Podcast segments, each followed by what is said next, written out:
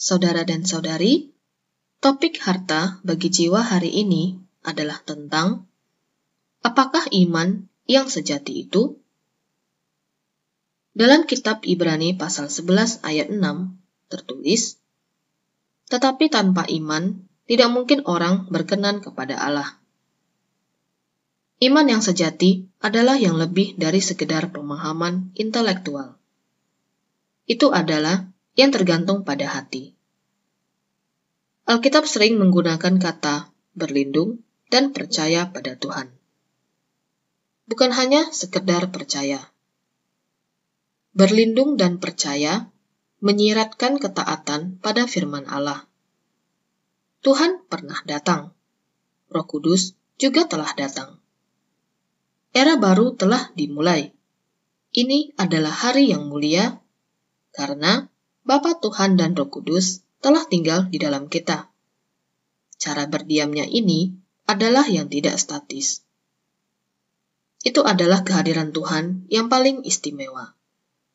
Kita dipersatukan dengan Dia, dan hidup kita terikat dengan Dia. Sesungguhnya, ini adalah anugerah yang sangat besar dari Allah. Tetapi tanpa iman, tidak mungkin orang berkenan kepada Allah atau seperti yang tertulis dalam Ibrani pasal 11 ayat 6a. Iman bukan hanya sekedar pemahaman atau pengakuan intelektual. Sekedar mengetahui sesuatu yang baik atau yang benar tidak akan dapat membantumu. Dalam kitab Yakobus pasal 2 ayat 19 dengan jelas mengatakan, Tetapi setan-setan pun juga percaya akan hal itu, dan mereka gemetar. Setan juga tahu bahwa Yesus adalah anak Allah. Dia juga sangat percaya bahwa Tuhan adalah satu-satunya Allah yang benar. Dia sangat percaya pada kebenaran ini. Namun, dia terlalu bangga. Dia tidak percaya kepada Tuhan atau mengandalkan Tuhan. Oleh karena itu, dia gemetar. Orang yang sombong percaya pada dirinya sendiri, bukan pada Tuhan. Sebaliknya, kita harus rendah hati agar memiliki iman yang besar kepada Tuhan.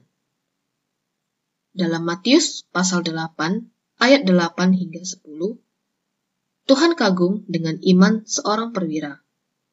Dia menganggap dirinya tidak layak dengan menerima Tuhan untuk datang ke rumahnya. Perwira ini adalah yang rendah hati. Orang yang rendah hati bukanlah orang yang tidak mampu, melainkan orang yang mengandalkan Tuhan bukan pada dirinya sendiri.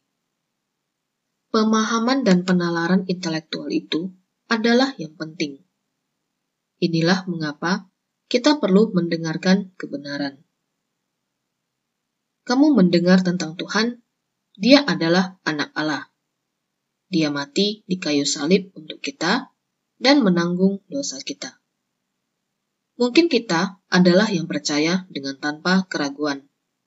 Namun, apakah kamu telah menerima Tuhan sebagai juru selamat pribadimu? Sudahkah kamu mengandalkan Dia?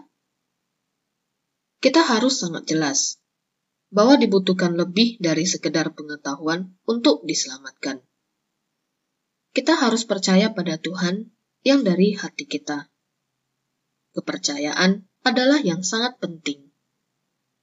Alkitab lebih banyak menggunakan kata percaya pada daripada percaya. Ini adalah yang lebih dari sekedar pemahaman intelektual atau percaya bahwa ada sesuatu yang benar.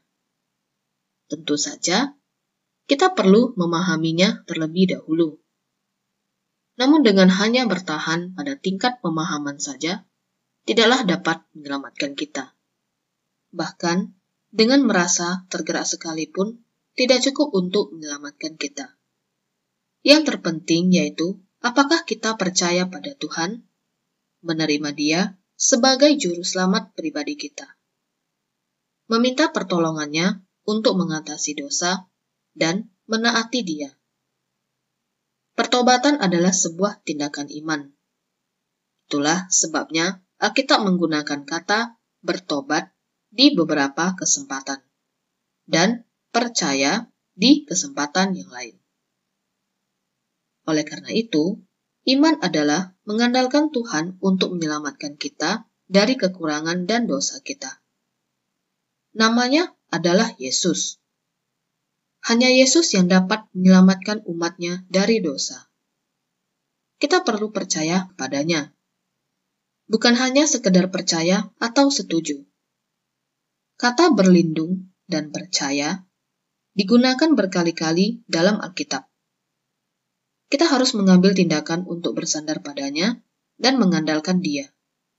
Sebaiknya, kamu harus jelas tentang iman, karena tidak ada cara lain. Pada malam sebelum penyalipannya, Tuhan memberitahu murid-muridnya bahwa dia pergi adalah demi kebaikan mereka. Sangatlah berharga bahwa Bapa, Tuhan dan Roh Kudus berdiam di dalam hati kita. Sebuah penyatuan yang paling dalam. Penyatuan ini adalah yang tidak statis. Sebaliknya, itu adalah sebuah kehadiran Tuhan yang paling istimewa. Penyatuan hidup yang paling dalam di seluruh alam semesta. Penyatuan ini adalah seperti pokok anggur dan ranting-rantingnya, kepala dan tubuh. Ini adalah penyatuan cinta antara Tuhan dan kita. D-Day adalah hari istimewa bagi sekutu selama Perang Dunia Kedua. Dan saya ada menulis sebuah lagu berjudul G-Day, The Glorious Day. Tuhan berkata pada hari itu, yaitu hari yang mulia ketika Roh Kudus turun. Era baru telah dimulai. Manusia dapat masuk ke dalam hubungan yang baru dan terdalam dengan Bapa, dengan Tuhan, dan Roh Kudus. Impian cinta Tuhan telah menjadi nyata. Kita tidak hanya memiliki hubungan pribadi dengan Bapa, Tuhan, dan Roh Kudus. Kita juga menjadi keluarga Allah. Era Perjanjian Baru telah dimulai. Ungkapan yang jauh lebih adalah yang muncul berkali-kali dalam Kitab Ibrani. Sesungguhnya, hari ini adalah yang jauh lebih baik. Kita juga memiliki hari yang fantastis. Itu adalah hari di mana kita melihat Tuhan, bertatapan muka dengannya. Hari itu akan segera datang. Tuhan yang tinggal di dalam kita dan kita yang di dalam Dia adalah realitas rohani kita. Saya ingin membantumu agar melihat kebenaran ini dengan lebih jelas. Saat kamu melihat manfaat dari tinggal di dalam Tuhan, maka kamu akan termotivasi untuk menjalaninya.